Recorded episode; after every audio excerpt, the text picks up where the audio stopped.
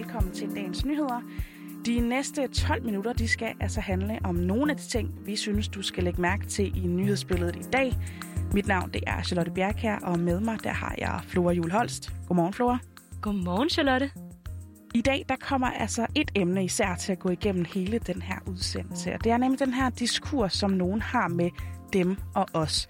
Og først så skal det handle om en række demonstrationer i Danmark og i resten af verden. Ja, og så skal det altså også handle om Syrien og nogle af de her danske børn, der ikke har særlig gode forhold dernede. Og så slutter vi med en historie om, at Udenrigsministeriet og den danske regering er blevet stævnet, og nu skal i retten. Skal vi ikke bare komme i gang, for? Lad os gøre det. Godt. Velkommen til dagens nyheder. Ja, jeg kan starte med at spørge, Flora. Ved du, hvilken dag det er i morgen? Øh, søndag? det vil jeg nok også umiddelbart sige. Øh, jeg vidste heller ikke det her, men det er faktisk FN's internationale dag mod racisme og diskrimination. Og det vil så sige, at søndag der er det 61 år siden, at politiet i Sydafrika de åbnede ild mod en fredelig demonstration og dræbte 69 personer.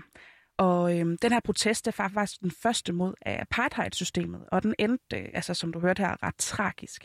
Men i 1966, der vedtog FN's generalforsamling så, at den 21. marts skulle være international dag mod racisme. Ja, okay. Den 21. marts. Hvorfor fortæller du så det her i dag? Jamen det, er, det gør jeg, fordi at det bliver markeret med demonstrationer øh, over hele landet, i Odense, København og Aarhus, og det gør de faktisk også i mange byer over hele verden. Og herhjemme, der er det fælles initiativet mod racisme og diskrimination, der arrangerer de her demonstrationer. Og jeg synes lige, vi skal høre, hvad Sten Hartmann han fortæller om, hvorfor de går på gaden i dag. Han er næstformand i den københavnske afdeling, og han er altså også medarrangør af den her demonstration, og ham snakkede min kollega med i aftes. Vi forsøger så også at være initiativtager, og så prøver vi at få de andre organisationer til at at være med, ikke? Så, så det også bliver markeret i, i Danmark. Øh, det, jeg ved, at der er, der er forskellige andre øh, markeringer af det, øh, som er på selve dagen. Vi gør det i morgen, fordi vi, vi vurderede, at det var nemmere at få folk til at, at komme en lørdag øh, end, en, øh, en søndag, hvor det er den 21. Ikke? Så vi er en dag forud. Og det her fælles initiativ mod racisme og diskrimination, det er sådan en paraplyorganisation for en gruppe af NGO'er og andre organisationer, der på hver deres måde kæmper mod racisme og diskrimination. Og det er altså nogle af dem, som man kan høre tale til de her demonstrationer senere i dag. Jeg har organiseret det sådan, at, at de organisationer, der ligesom øh, vælger at slutte op og være med, de, øh, de har ligesom øh, øh, ordet for sig selv. At det vil sige, det vil sige de kan, de kan sige, fortælle noget om deres arbejde. Det vil de øh, mærkesager, de har. Hvad er, det, hvad er det, de går op i? Så det vil sige, det eneste, der sådan er samlende og overordnet, det er det antiracistiske, og så er det FN's øh, internationale dag mod racisme. Hvad tænker du, Flora? Kunne du finde på at tage med til en af de her demonstrationer i eftermiddag? Altså, jeg kunne måske godt finde på det, men øh, det bliver nok nødt til at være en ene demonstration for Glostrup, så jeg har sgu ikke rigtig tid, desværre. Nej, nej. Jeg vil også sige, jeg tror også, jeg bliver øh, indendørs og, og hæpper med på sidelinjen. Ikke? Ja. øhm, men udover at markere den her dag, så bliver der altså også øh, sat fokus på at bekæmpe racisme og diskrimination, både herhjemme og ude i verden. Det fylder meget det der med at, øh, at øh, holde fast i, at øh, jamen, der er racisme også i Danmark. Øh, så, så det er i hvert fald øh, en af årsagerne til, at, at, øh, at, vi, at vi holder fast i at, at bekæmpe det. Ikke? Så er der ingen tvivl om, at hele, hele debatten, der er øh, for tiden også i Folketinget om, øh, om øh, de der øh, børn i, i, øh, i flygtningelejrene, øh, som, som er danske, børn af danske statsborgere, og om de skal hjem eller ej, og så videre. Så det kommer også til at fylde, både i taler og i, øh, i, i øh, har, har fuldt fyldt i forberedelserne herop til, ikke? Ja, netop det her med, at der foregår racisme herhjemme, det har Sten Hartmann altså også et bud på, hvad man kan gøre ved. Kan vi forsøge at prøve at øh, være bevidste om, at vi, vi øh, kulturelt set øh, har det med os, og, og så kan vi forsøge at prøve at, at, at blive bedre til at håndtere det, og være mindre, mindre øh, racistiske i vores måde at håndtere hinanden på. Øh, give plads til mangfoldighed. Øh, altså, øh, Ja, altså sådan noget med, at, at, at der skal være plads til os alle sammen, og vi er, vi er mennesker alle sammen. Og han tror og håber altså også på, at de her demonstrationer, de kan være med til at skubbe noget ved os alle sammen. Det er i høj grad et, et, et, et, sådan et, et, et informationsprojekt, ikke? Altså det er noget med at gøre, gøre folk... Altså jeg, jeg, jeg synes, at det, det, det har været rigtig meget op, øh, op i tiden i, i et stykke tid nu, og jeg, kan, jeg synes, jeg personligt kan fornemme, at tingene flytter på sig. Ikke? Altså, vi, vi diskuterer ikke længere, om det er okay at bruge, øh, bruge indordet og, og forskellige andre betegnelser på, på folk, der, øh, der har særlige kendetegn. Det, så på den måde flytter det sig, øh, øh, og derfor er det, det er også derfor, vi har energi til at blive ved, fordi vi kan se, at det faktisk nytter noget øh, og, og, og fokusere på det. ikke. Ja, og Flora, jeg har altså godt nyt, for selvom vi ikke skal ud på gaden, så kan vi altså stadig være en del af de her demonstrationer. For i øh, København, den øh, der er i København, der bliver altså også livestreamet på Facebook, og organisationen, der hedder World Against Racism, de livestreamer altså også nogle af deres demonstrationer over hele verden. Altså, nu nævnte Sten Hartmann jo også lige, at demonstrationerne i dag også kommer til at have fokus på de her danske børn, som sidder fanget lige nu i syriske flygtningelejre. Og her har der altså været nogle vilde sager fremme de her seneste dage, og det har blandt andet ført til, at der var et møde i Udenrigspolitisk Nævn i går, hvor tre ministre var med. Og øh, min kollega, vores kollega, Tobias Hegård, han har set nærmere på hele den her situation. Lad os høre lidt om det. Jeg synes, det er en, det er en fuldstændig vild situation. Altså jeg, øh, altså, jeg har aldrig følt mig så afmagtsfuld øh, og så lidt viden om, øh, hvordan der træffes beslutninger i det her land. Talen den var klar fra nævns medlemmer, da det her møde det sluttede i går eftermiddag. Mange de gav som løsgænger Lars Løkke Rasmussen her også udtryk for, at de ikke var blevet klogere på mødet, hvor forsvarsminister Trine Bramsen, udenrigsminister Jeppe Kofod og justitsminister Nick Hækkerup, de skulle svare på en lang række spørgsmål. Men lad mig lige starte med at skrue tiden lidt tilbage og se nærmere på, hvad det er, der har skabt den her vilde situation, som Lars Løkke Rasmussen han taler om.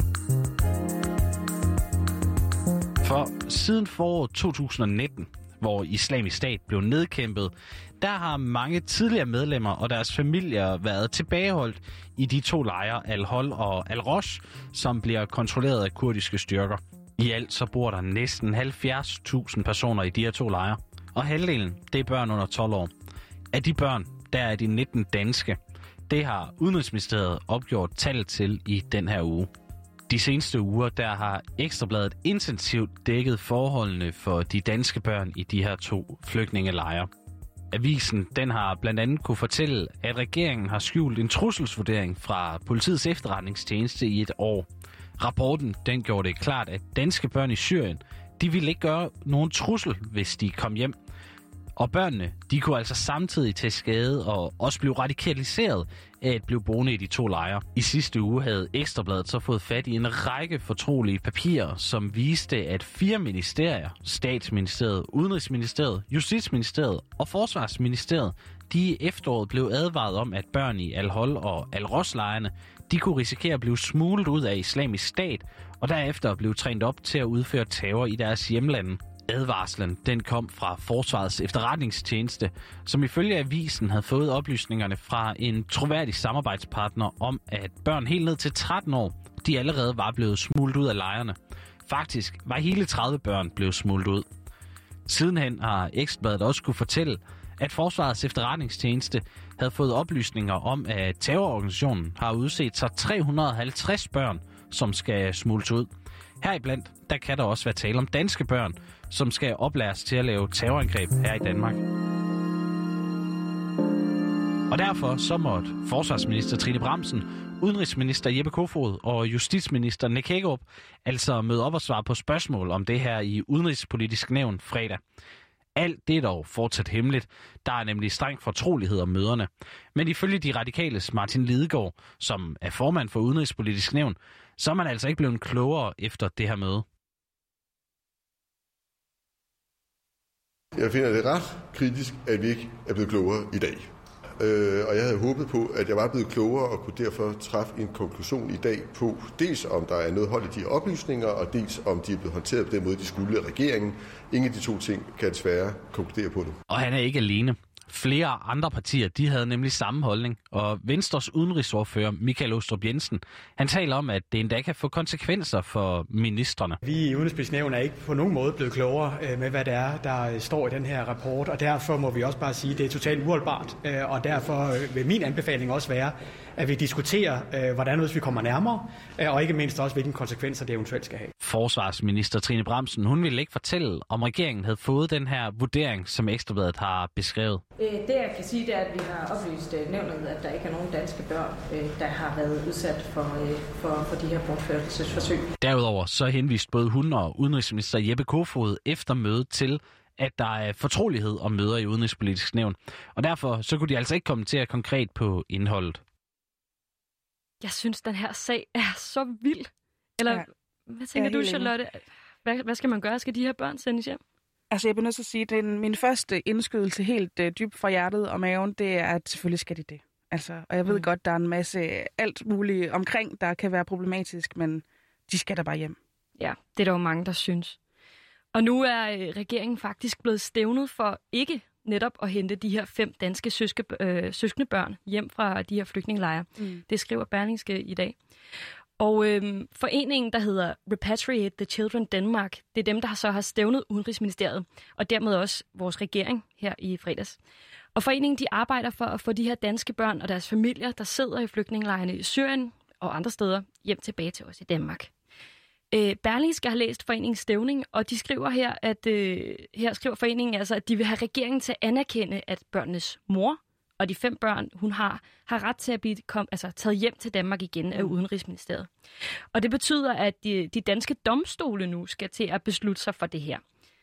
Hvad tænker du, øh, Charlotte? Skal det være, øh, skal det være domstolene? Skal det være politikerne? Hvem skal tage beslutningen i sådan en her situation?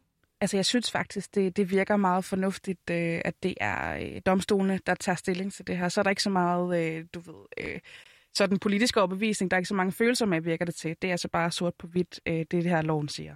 Ja, så bliver det ikke sådan en, øh, en populistisk vindersag. Lige eller præcis, lige præcis. Ja.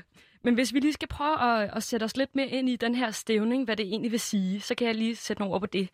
Det, er, øh, det handler om en, en faktisk etnisk dansk kvinde, som så har konverteret til islam. Og sammen med sin mand er hun så, og de fire børn, de har, rejst til Syrien i 2014 for at tilslutte sig islamisk stat.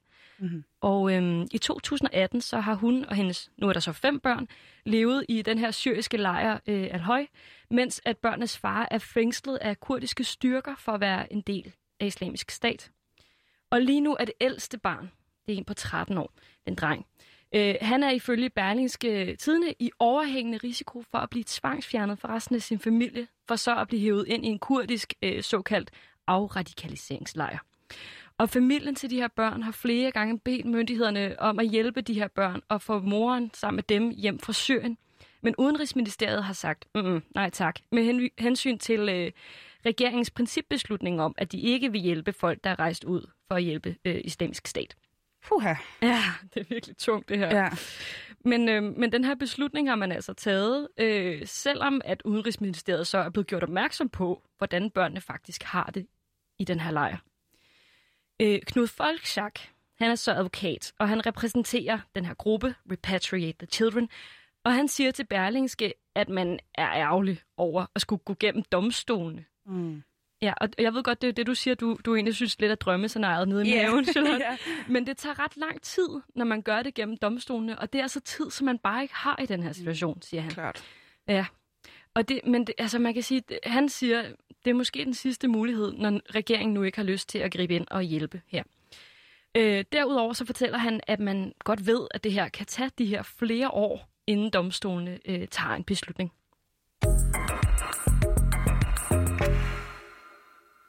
Uha, Flora. Ja. Det var lidt en tung afslutning her, men øh, det er så nogle af de nyheder, som øh, vi har besluttet her, vi synes, du skal vide lidt om i dag. Og øh, din værter har været Flora Julholst og mig, Charlotte Bjerg her. Programmet det var tilrettelagt af Tobias Hegård. Jeg vil sige tak, fordi du lyttede med, og øh, tak, fordi du var med, Flora. Selv tak. Det var ha' en rigtig dejlig dag. I lige måde.